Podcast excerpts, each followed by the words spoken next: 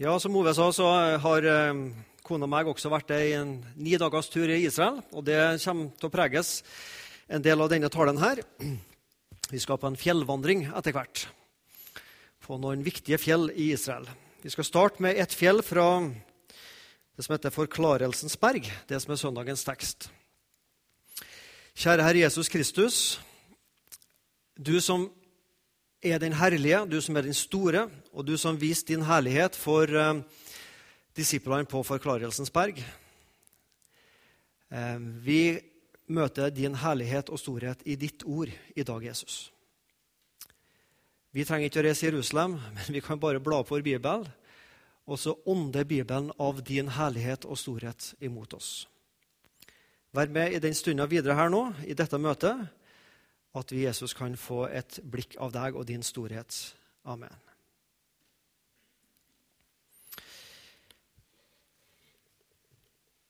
Matteus 17, 1-9.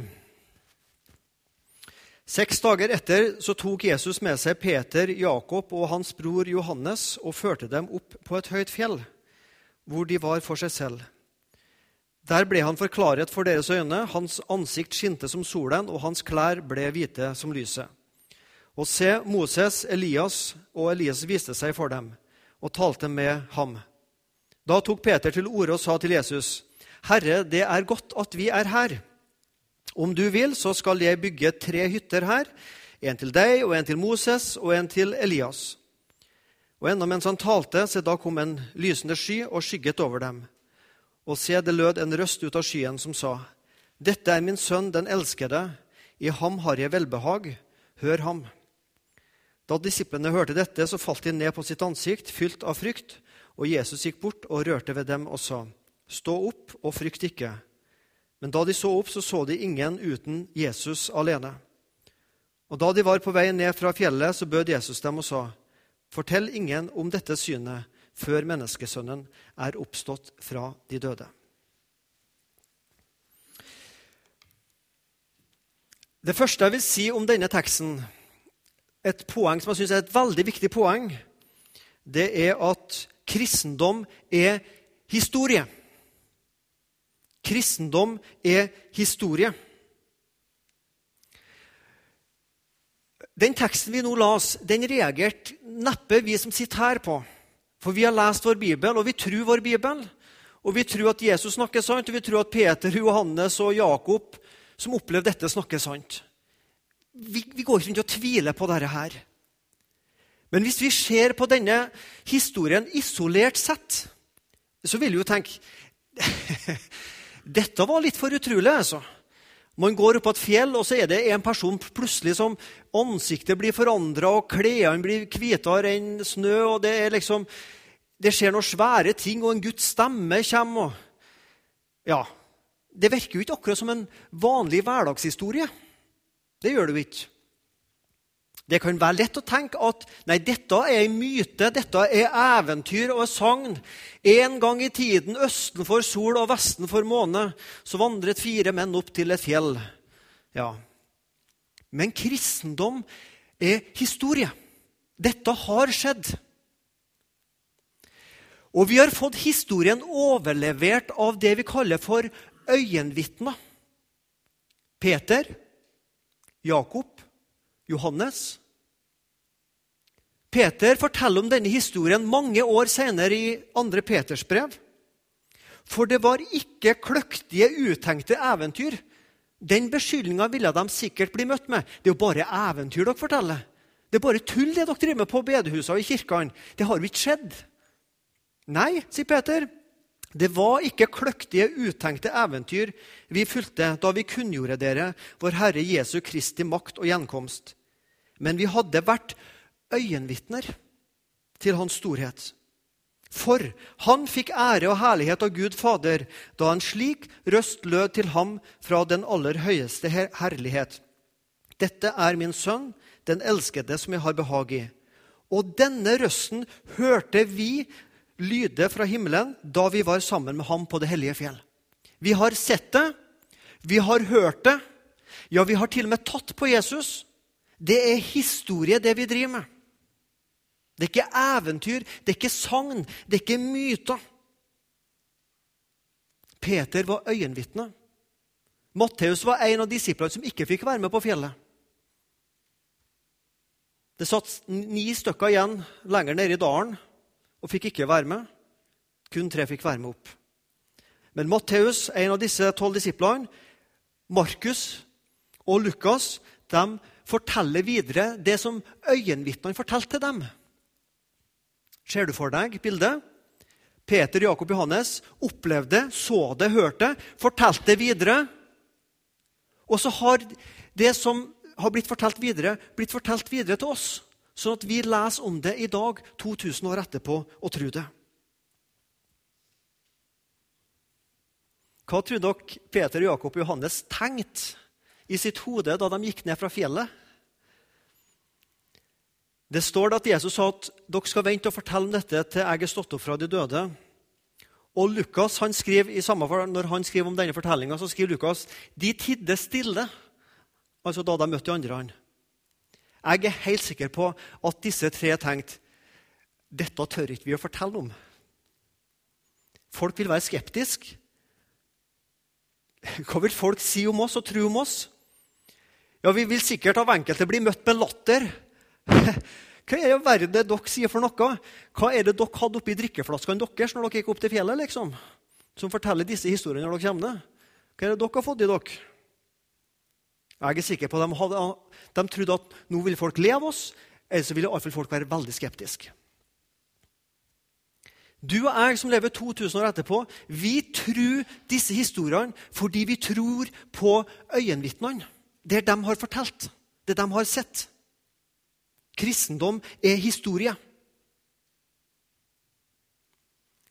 Husker du tvileren Thomas? Ja, det husker du. Hva var det Jesus sa til Thomas da Thomas møtte Jesus? Thomas, fordi du har sett meg, så tror du. Og så kommer en fantastisk setning som gjelder deg og meg. Salige er de som ikke ser og likevel tror. Det er din, og det er min situasjon. Ingen her som kan rekke opp hånda og sagt jeg har sett, jeg har hørt, jeg har tatt på Jesus. Men vi har sett og vi har hørt det som øyenvitnene forteller til oss. Det er historie, kristendom. Men så er kristendom mye mer enn historie. Det er også åpenbaring. Vi kan lese disse historiene.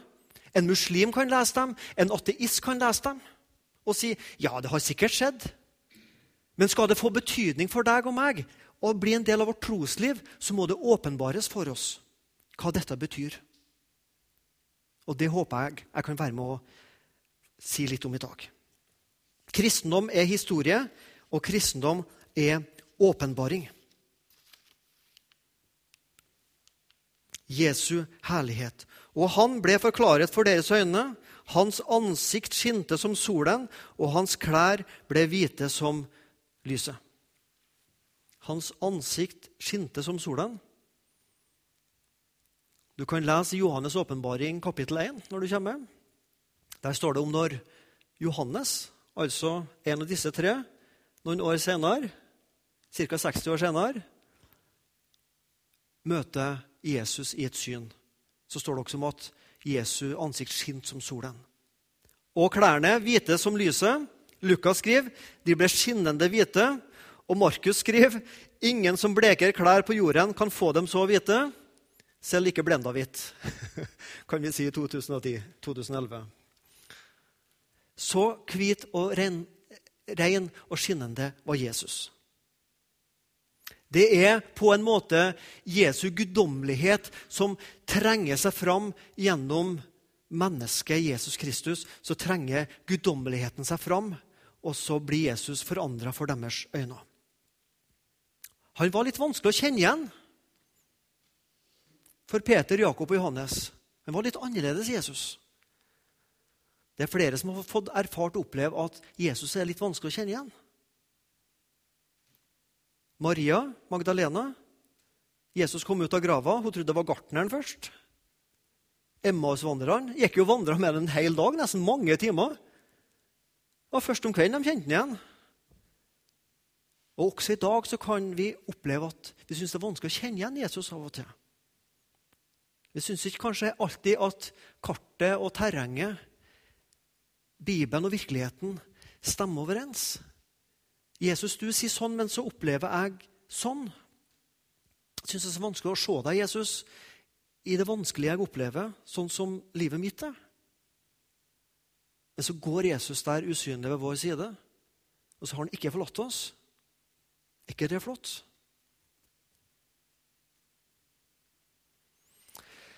Den møtet som Peter, Jakob og Johannes fikk med Jesus, det førte til en frykt og en tilbedelse. Da disiplene hørte dette, så falt de ned på sitt ansikt fylt av frykt. Vi ser også for oss Peter med fiskefangsten, der han diskuterer med Jesus og, og innser at 'Jesus, du er mye større enn meg'. Og så faller Peter på sitt ansikt og så sier han, 'Gå fra meg, Herre, jeg er en syndig mann'. Ja, det, jeg tror det han egentlig ville ha sagt, det var 'Herre, du må ikke gå fra meg, for jeg trenger deg'. Men en ærefrykt, en gudsfrykt, så faller de på sitt ansikt. Vi leser om Jesaja i tempelet i Gammeltestamentet. Som møter Guds hellighet i tempelet og blir slått av Guds hellighet på en sånn måte at han faller på sine knær. I gudsfrykten, i ærefrykten, så ser du og jeg hvem som er stor, og hvem som er liten. Vi ser hvem som er hellig, og vi ser hvem som er syndig. Vi ser hvem det er, og hvem det er som har lyset og renheten, og at det er du og jeg som menneske som bærer mørket i oss. Denne opplevelse og erfaringa av hellighet, syndighet, stor, liten, lys og renhet og mørke i deg og meg det er ikke noe en historie i seg sjøl kan fortelle oss. Det må Guds ord åpenbare for oss. I møte med Guds ord så erfarer vi dette. Gud, du er stor, og du er hellig. Jeg som menneske Jeg var kanskje litt mindre enn jeg trodde jeg var. Og jeg var sikkert mer syndig enn jeg trodde jeg var. Du, Gud, er lyset. Jeg bærer mørket i meg. Jeg må bare bøye meg og si, Gud, du er annerledes. Men så er midt i denne fortellinga så møter vi nåden så fantastisk. Og Jesus gikk bort, rørte ved Peter, Jakob og Johannes og sa, 'Stå opp og frykt ikke.' Og så kommer denne flotte setningen som mange av oss har brukt på vitnemøter. Men da de så opp, så så de ingen annen uten Jesus alene. Merker du hvordan Guds hellighet hadde tvinga dem i kne. Og så kommer Guds hellighet i personen Jesus Kristus bort til dem og sier, 'Frykt ikke. Stå opp.' Og så ser de kun Jesus alene. De ser nåden alene. For Jesus er jo nåden. Jesus, Moses og Elia. Tenk deg å ha vært på fjellet. Tenk deg å ha med et digitalt fotoapparat. Det har blitt noe av noen bilder det, å komme ned med. Se hvem jeg har bilde av! Jesus, Moses og Elia. Du verden hvor mye penger jeg skulle ha fått for dem hvis jeg solgte dem til noe Jerusalem Post. Men det var ingen digitale fotoapparat den gangen. Ikke analoge heller. For et lag på fjellet! For et vinnerlag! Nå er det ski-VM, og det skal gå stafett, og det skal tas ut et lag. vet du. Tenk å vært på dette laget, da! Jesus, Moses og Elia. Ja, Nå tenkte ikke jeg på skirenn, men sånn ellers. For et lag! Og Det var jo det de oppdaga også. De var litt sånn søvnige, står det på toppen. Men når Moses og Elia kom, skal jeg si det ble liv, altså. Da våkna de til. Til gangs. Hvem er Moses, hvem er Elia, og hvem er Jesus? Moses ja, Han er jo ikke loven, men han kom med loven. Og han er lederen. Han er representant for den gamle pakt. Elia, også den gamle pakt. Profeten, undergjøreren, seiersherren fra Karmelfjellet, som beseira disse Baals-profetene. Bønnemennesket som ba intenst om regn over landet. Vi ber nå helst om sol, vi da, men i Israel så ber de om regn. Og så Jesus. Og Da spør jeg hva er det Jesus har som Moses og Elia ikke har? Hva er det Jesus kan gjøre som Moses og Elia ikke kan gjøre? Ja, Du har svaret i bibelverset fra Johannes 1, 17. For loven ble gitt ved Moses, nåden og sannheten kom ved Jesus Kristus. Loven, hva er det for noe? De ti bud, som vi av og til sier. Det er sannheten om Gud. Det viser hvem Gud er, at Gud er hellig. Loven avslører Guds hellighet, sannheten om Gud. Og så avslører han sannheten om deg og meg som menneske. At vi kommer til kort og synder. Nåden det er ikke sannheten om deg og meg, men det er sannheten om Gud alene.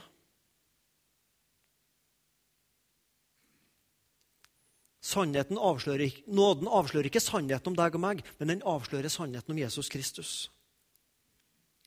Loven er hva Gud krever. Nåden er hva Gud gir. Nåden, sannheten om at Gud gir, ikke hva han krever. Hva er det som er spesielt med Jesus i forhold til Moses og Elias? Det er kun Jesus som kan frelse deg og meg. Det er kun han som kan sette oss i et rett samfunn med Gud Fader. Og så en liten detalj til før vi skal forlate teksten. Bønn. Det kan du legge merke til at Noen av disse bibelfortellingene de står hos flere evangelister. Og Skal du få et rikere bibelliv, så gjerne sammenlign disse fortellingene hos, her hos Matteus, Markus og Lukas. Og så står det små detaljer hos hver enkelt som stanner et større helhetsbilde.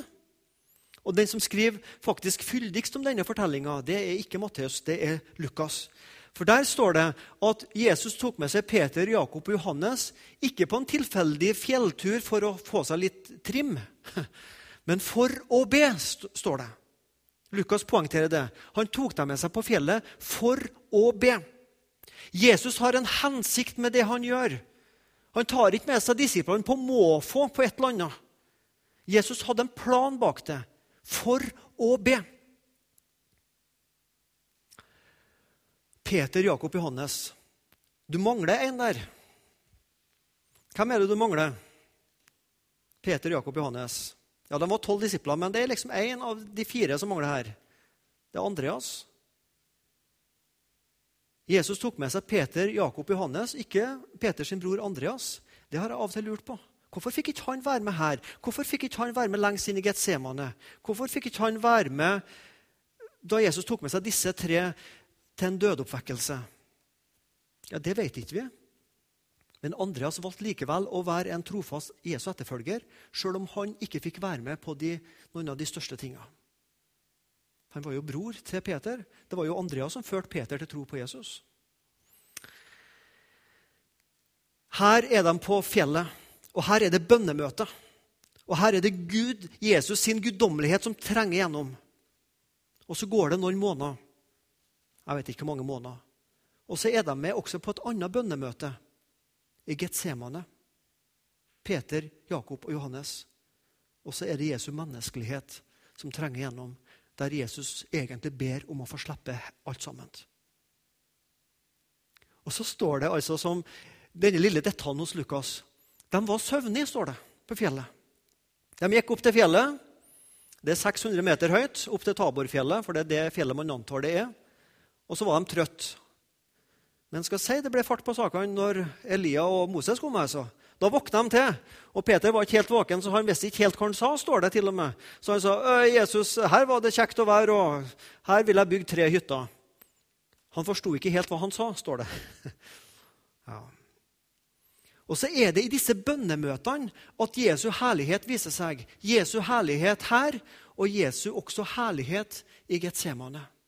Vil du møte Jesu herlighet, ikke unngå bønn. Der kan du og jeg fort risikere at vi møter Jesu herlighet.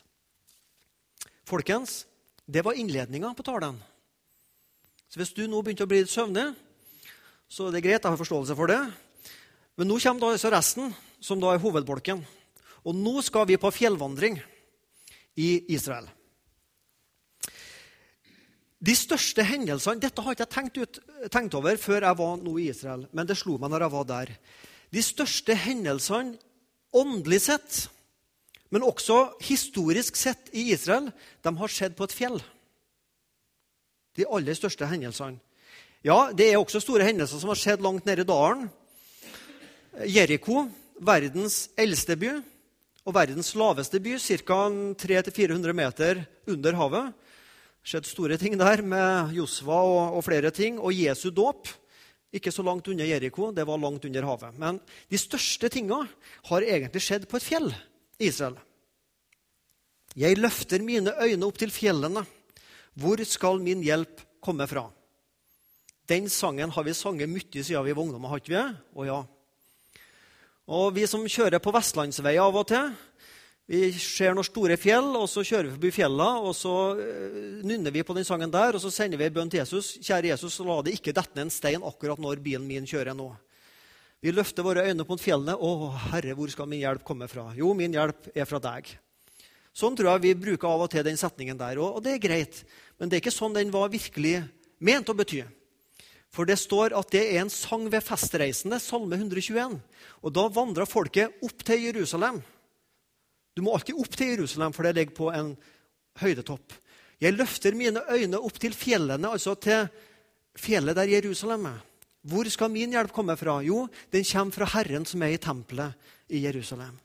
Det er jo den historiske bakgrunnen for den salmen og den sangen. Og nå skal vi på en fjellvandring. Vi har vært altså på Taborfjellet.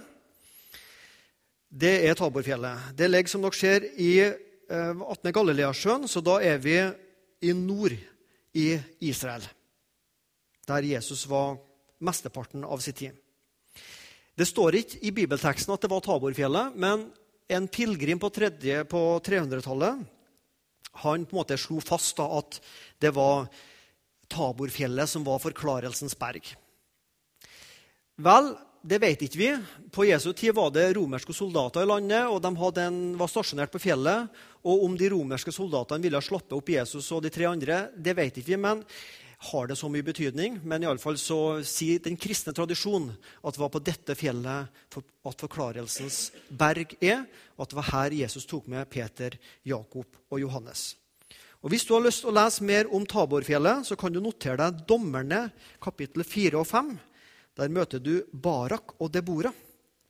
Der står det om Taborfjellet og en kamp som var der på Tabor og den sletta nedenfor som heter Israelsletta, Israeldalen. Det er Taborfjellet. Det var det første fjellet. Der var vi nå. Det andre fjellet, der var neppe Jesus. Det er iallfall ingenting som tyder på at Jesus har vært på det fjellet der. Da er vi langt sør i Israel, til et fjell som heter Masada. Og Nå skal du få dagens gåte. Må du skjerpe øra og tanke. Hva er likheten mellom et isfjell og Masada? Hva er likheten mellom et isfjell og Masada? Altså, Forskjellene er ganske åpenbare. Det skal ikke mye til å se forskjellen på et isfjell og Masada. Men det fins altså en likhet mellom et isfjell og, et, og eh, fjellet Masada. Tar du den? Ove? Ikke umiddelbart. Hva er det som er spesielt med et isfjell? Ja, Du ser det fra toppen? Ja. Du ser bare toppen. 90% av isfjellet er under vann. Det er ingen del av Masada som er under vann, men 90% av Masada er under havets overflate. Når du klatrer opp til Masada, så er du ca. 30-40 meter over havets overflate. Det er ikke så veldig imponerende. Men fjellet er ca. 400 meter høyt. Og for de For å ha meg unnskyldt, Ove, men for jeg sier unnskyld uttrykket, pysene, så er det da bygd en kabelbane opp. For de tøffeste av oss vi altså går opp til Masada. Fikk jeg også sagt det, at jeg gikk opp den fjellsida der. Nå skulle dere gjerne klappa til meg, men det gjorde dere altså ikke. nei. Oh, ja da, Jeg fikk iallfall sagt det, at jeg klatra opp dit. Det tok 40 minutter å gå opp dit. Jeg gikk ikke ned igjen, for det venta en bedre lunsj når vi kom ned. Så det hadde jeg litt travelt med å få med den lunsjen, så da tok jeg kabelbanen ned. Dette fjellet er veldig viktig for jødene. og Det har altså ingenting med Jesus å gjøre, men det har et viktig åndelig poeng som jeg skal komme til. selvfølgelig. For dette skal ikke først og fremst være et reisebrev, men det skal være noen tanker som jeg gjorde meg da jeg var oppå Masada. Eh, lang historie kort, for vi kunne ha brukt sikkert en halvtime time bare å snakke om dette her, så det skal ikke jeg gjøre. Men før Jesus i tid så var det noen som het hasmonerende, sånn kongefamilier, som begynte å bygge oppå dette fjellet. Og så kjenner vi til Herodes den store. Det var han da som disse vismenn kom til da Jesus ble født, og som da fikk drept alle guttebarn i Betlehem og omegn. Eh, Herodes den store han døde altså i fire før Kristus. Så det vil si at Jesus er født før år fire før Kristus. Det er jo ikke sånn når vi leser i Bibelen at det står i år null eller i år to før Kristus eller to etter Kristus. Det ble laga til mange hundre år senere. Og ved en regnefeil så var det en munk da som regna litt feil på det her.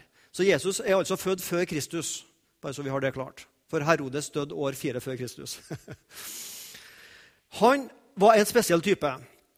Og Han ville lage seg en borg, en sikker plass å flykte til hvis han fikk for mye motstand. Og Denne borgen fant han da i Masada.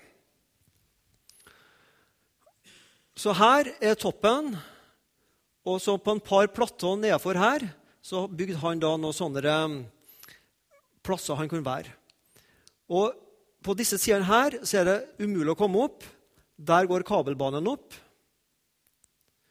Og det du ser der, det er en rampe som romerne bygde noen år senere. Om Herodes noen gang var på Masada, det vet man faktisk ikke. Men han etterlot kona og noen barn der. I alle fall. Så går vi noen år fram i tid, og da kommer vi til poenget. I år 66 cirka, etter, etter Kristus så starter det et jødisk opprør mot romerne. Og Det blir slått ned i år 70 i Jerusalem, når tempelet blir brent, og romerne på en måte tar Jerusalem og ødelegger mye der.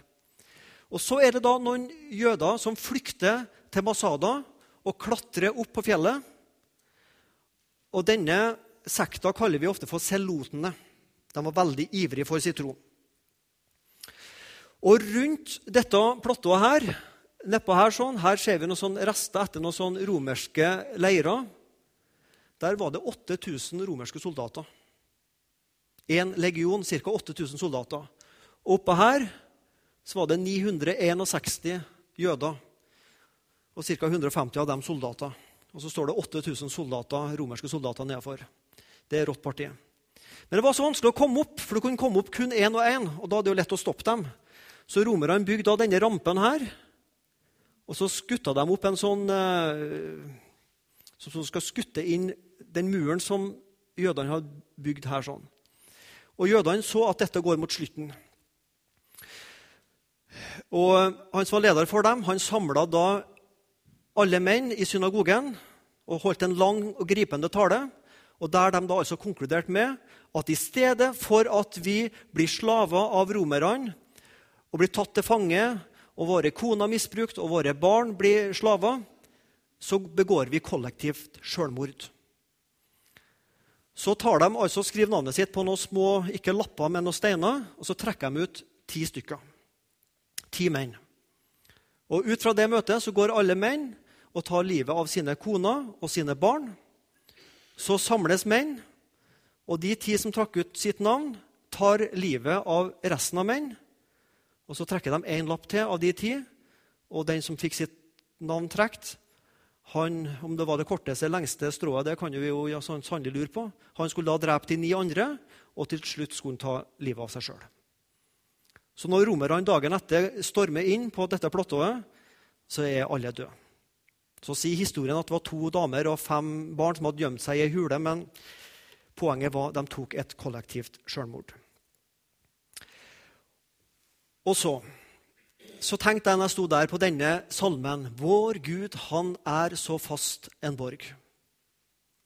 Og I det siste verset så står det sånn, i den gamle oversettelsen Og tar de enn vårt liv, Guds ære, barn og viv Viv det er et annet navn for dame. Så det var litt dårlig med rimet. og sånn. Eh, så Hvis du kunne liksom ikke si 'Hun tok igjen vårt liv, Guds ære, barn og ektefelle'. Så det står litt annerledes i dag. La fare hen la gå, mer kan de ikke få, Guds rike vi beholder. Og så tenkte jeg her er det mennesker som er villige til å dø for troa si. Sin identitet, sin tro. Og så overfører vi det på oss. Vel, det er et langt sprang fra Masada til deg og meg. Men hva betyr Jesus for deg og meg? Hva er jeg villig til å ofre for Jesus? Og tok de en vårt liv? Er jeg og du villig til å si det? Jeg vet jeg har sagt det før i Misjonssalen. Jeg skal si det nå. Og jeg håper jeg kan si denne setningen til min døende dag. Er vi ikke villige til å dø for Jesus, så er ikke Jesus vår Gud. Da er det noe som er viktigere for oss enn Jesus. Og så er ikke det lett å si, og så er det heller ikke lett å ta inn over seg. Men hva betyr Jesus for deg og meg? Er vi villige til å ofre vårt liv om så skulle være? For Han som betyr mest for oss. For det er jo det vi liker å si, at Jesus betyr mest for oss. Vi skal hoppe til Jerusalem, tempelhøyden. Her møtes alle disse tre det vi kaller monoteistiske religionene, som språklig C-moment å si det. Monoteistiske religioner. Islam, kristendom, jødedom, som har én gud. Denne plassen er mer eller mindre viktig for alle disse tre religionene. Minst viktig for oss kristne, men likevel. Her var det Jesus hadde en del av sin undervisning. Her var det Jesus rensa tempelet. Her hadde han diskusjoner med fariseere og andre. Islam de bygde på 600-tallet denne moskeen der, som heter Klippemoskeen, og en moské til som heter Al-Aqsa-moskeen. Dette er det tredje helligste stedet for muslimer etter Mekka og Medina. Og det er her man tror at profeten Muhammed for til himmelen. Og For jødene nedenfor denne klippemoskeen så ser dere her bildet av det vi kaller klagemuren, eller Vestmuren, som er da en del av den vestlige delen av det som måte, var muren rundt det andre tempelet som ble bygd etter at jødene kom tilbake fra bortføringa i Babylon. Og Hos jødene så er bygningen veldig viktig. Gud er jo i tempelet. Det står jo i Gammeltestamentet. Og veggen minner dem om at her er Gud. Altså, her møter vi Gud. Og så har da denne veggen blitt et veldig viktig tegn på nasjonal stolthet. Og Det å stå utenfor den veggen og stå og betrakte dette her Vi kom dit altså forrige fredag ca. klokka fem på ettermiddagen når sabbaten starter. Og å være vitne til dette, hvordan de sto og ba med disse hattene sine var jo et gjerde kvinnene på ene sida og menn på andre sida. Og hvor høylytt de ba, og hvor de sang og dansa, og alle aldersgrupper. Og Her var det alvor, og her var det glede side om side. Det var en helt utrolig opplevelse. Og se hvordan disse ortodokse jødene skynda seg med barna sine og kom til muren. Det er ikke bare hvis vi gidder i dag og hvis vi har tid til å gå på et møte. Men dette er høydepunktet i uka, å være ved denne muren. Og Så kan vi ta det over vårt liv. Hvor viktig er det for oss å gå i Guds hus og høre Guds ord? Og ta del i fellesskapet? Er det noe vi gjør hvis vi tar noe annet gøy på programmet? Det ble iallfall en tankevekker for meg. Og så fikk jeg så lyst til å sette opp noe skilt på denne plassen her. Det sto en del skilt, men eh, foto ikke lov. Så det respekterte jeg. Nesten. Jeg tok opp mobilen min, så litt i skjul så filma jeg litt, for jeg måtte ha med litt av denne sangen og dansen. Det var, en opplevelse, så jeg fikk med meg litt. da. Det sto fotoforbud, det sto ikke filming, så, så jeg filma litt. da. Litt sånn bob-bob rundt i kantene av og til. Men jeg hadde så lyst å kunne satt opp noe skilt og noe banner på denne plassen. Og Da vil jeg satt opp følgende banner for jødene. Han var her for 2000 år siden. Og han kommer igjen for andre gangen. Stengt, nedlagt, ikke lenger i bruk. Gikk ut av bruk for 2000 år siden. Rett Gud, men feil stein og klippe dere forholder dere til. Bygninger unødvendige. Det kunne jeg godt ha tenkt meg å satt opp noen store banner på denne veggen. Jo da, jødene vet at offertida er forbi. Det er jo ikke noe offer som foregår der lenger. Det ble stengt i år 33 på Golgata. Da var ofrene sin tid over. For da ble det ene offeret fullbyrda. Jesus møter ei samaritansk kvinne, ikke på dette fjellet, men på Garisimfjellet, eller i Samaria. Og så sier denne kvinna du, du som er jøde, er det på Garisimfjellet som vi samari, samaritanerne tilber, eller er det Jerusalem vi kan møte Gud og be til Han? Den tida er over, sier Jesus. Vi er ikke avhengig av sted lenger å være på for å be til Gud. Gud vil ha sanne tilbedere som tilber i ånd og sannhet. Vi kan komme der vi er, i Sandnes i år 2011. Vi trenger ikke å reise til Jerusalem, til et fjell der, for å møte Gud. Og så hadde jeg så lyst, når jeg gikk på denne plassen, på selve tempelplassen, der eh, muslimene har, å sette opp et banner der det sto 'Feil tro, feil Gud, feil profet'. Eller egentlig burde jeg jo sagt Jesus er profeten. Gamlebyen i Jerusalem er inndelt i fire soner. Og Det sitter jødiske soldater mange plasser og passer på. Og Vi ønska jo veldig gjerne å komme opp og se også disse moskeene. Så på fredagen no, no, no, closed. Not allowed. Ikke lov. For da var man redd for at det kom muslimer på tempelplassen og kasta stein ned på jødene. Ja, Vi får komme tilbake på lørdagen, tenkte vi. Og vi kom på lørdagen. No, no, no, no. Just for Muslims. Just for Muslims. Kun for muslimer. Ja, sa jeg, men kan ikke vi få komme og se og ta noen bilder? Nei, just for Muslims. Not allowed. Ja, når da? Jo, på søndagen. Ja, tenkte jeg, det var dumt, for da var vi på den rundturen i, til Dødehavet det. Men på mandagen, da, mandag formiddagen, da hadde vi siste sjansen. Og så kom vi igjen. No, no, no, not allowed. Only Muslims. Ja, men jo, du er turist, du måtte gå gjennom den og den plassen der. Da fikk du komme inn. Og det var greit. det gjorde vi. Så kom vi opp på denne tempelplassen. tenkte jeg, nå, nå er sjansen til å inn i disse moskeene og klipse noen bilder og ha noen sånne fine minner. Men det skjønte jeg fort, det var jo ikke mulig da. For der sto det vakter rundt omkring. No, no, no, no, no. Not for Muslims, nei, only, only, only for Muslims. Only for Muslims. Only for Muslims.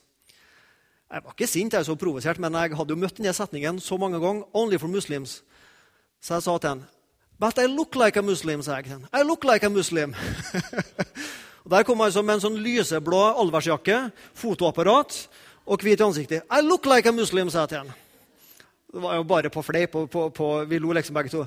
Oh, but I don't see Allah akbar on your fronthead.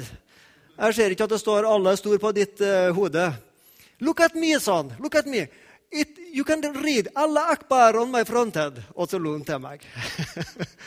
Only Muslims. Ja, det er greit, sa jeg. Jeg respekterer det. Nei, vi er ikke bundet av disse plassene. Jesus har vært her, men vi kan møte Jesus i dag. Jeg ser tida flyr, men fem minutter til, så skal jeg gå og sette meg. Vi skal gå til det neste fjellet, og det er det nest siste fjellet. Og det er Golgata. Nå vet en som har vært i Jerusalem, at det er egentlig to Golgata i Jerusalem. Det er to plasser som man kaller Golgata. Det er denne plassen, eh, og så er det en plass som heter Gordons Golgata. Eh, Gordons Golgata ble oppdaga i 1883. For det var en som het da Gordon, som så ut av vinduet sitt, og så så han da et område der det så ut som et hodeskalle. Og så tenkte man at det kunne være plassen der Jesus ble korsfesta. Men det er nok denne plassen som er mest sannsynlig at det var. Fordi at denne plassen går tilbake til keiser Konstantin i år 300. Siden den gangen har man på en måte trodd at det er denne plassen som er Golgata. Så dette er gravkirken vi ser her. Det er et eh, ortodoks katedral. Mye røkelse. Mørkt innvendig var det, og det var mye folk. Og folk sto altså Rundt den der dere ser til venstre der, det er da bygd over den plassen man tror var Jesus i grav. Folk sto altså opptil et par timer i kø for å komme inn dit. Det var et langt køsystem. Altså, det gidda ikke jeg, for å si det på godt norsk. Men eh, Jeg skulle gjerne vært inni der, men jeg syntes det var litt feil å begynne å snike i køen. Men to timer syntes jeg var litt lenge å stå. Men folk sto der altså for å komme inn dit, for å se at han er ikke der. Så da fikk jeg nesten lyst til å sette opp et skilt der også. Han er ikke her heller. Han er oppstått. Det var jo akkurat det engelen sa. Han er jo ikke her lenger. Han er oppstått. Se der er stedet hvor han lå. Som, og så ble det så stort for meg. Jeg hadde jo visst det før, men det ble faktisk stort for meg. Vi som kristne vi er ikke avhengige av steder å gå til. Vi lever i forskjellige kristne tradisjoner. Vi lever i en sånn luthersk tradisjon der ord betyr mye. Jeg har møtt folk fra andre kristne tradisjoner som bar på kors, og som tok på plasser der de mente at Jesus hadde tatt på liksom, Dette var så veldig viktig. Jeg hadde ingen sånne følelser inni meg liksom at å, det var så stort å tenke å ta på et sånt fjell der noen kanskje mener at Jesus har tatt på en gang. Men så ble det så stort for meg. Her er han. Og her er en levende til stede i dag. Trenger ikke dra til et Golgata, en tempelhøyde. Jeg møter Jesus her. Kan lese om ham hver dag. Han møter meg hver dag her. Han er ikke her heller. Han er i Bibelen. Han er i himmelen. Og så er hjertet ditt, og så er hjertet mitt. Alle vi som tror på han. Så jeg Jesus i Jerusalem? Jeg så den tusenvis av ganger i suvenirbutikker. Det var ikke måte på med bilder og skilt og utskjæringer og kors med Jesus. Kjekt å ha. Men jeg har den. Jeg har ikke alle akbar på min panne, men jeg har Jesus' hjerte. Siste fjellet, og nå skal jeg slutte. Da skal vi opp til Oljeberget. Det syns jeg egentlig var den mest fantastiske plassen. Her ser vi bildet til høyre. Det er fra Oljeberget mot Jerusalem. og Det er jo lett å se klippemoskeen der. Og bildet til venstre det er fra eh, Jerusalem-sida opp mot Oljeberget. Der ser dere kirke som heter Alle nasjoners kirke ned til venstre. Og helt ned til venstre der med kirka så er det det som er Getsemanehagen. Det man tror da er Getsemanehagen. Her på Oljeberget her var det Jesus gråt over Jerusalem. Det var her Jesus underviste ofte sine disipler. Det er her vi tror at Jesus fikk lånt seg et esel og starta denne prosesjonen på palmesøndag. Og ikke minst er Oljeberget viktig når det gjelder misjon og Jesu gjenkomst. Det var her Jesus for opp til himmelen. Og det her vi ut fra teksten også kan antyde at muligens at Jesus kommer igjen her en plass. I Lukas 24 så står det at Jesus tok med seg disiplene ut mot Betania. Betania ligger enda litt lenger bak enn Oljeberget. Og I Lukas 1, det er fortsatt eh, samme forfatteren, så står det at Jesus tok med seg disiplene opp til Oljeberget, og der skiltes fra dem. Så en eller annen plass fra Oljeberget mot denne landsbyen som heter Betania, var det Jesus skiltes fra disiplene.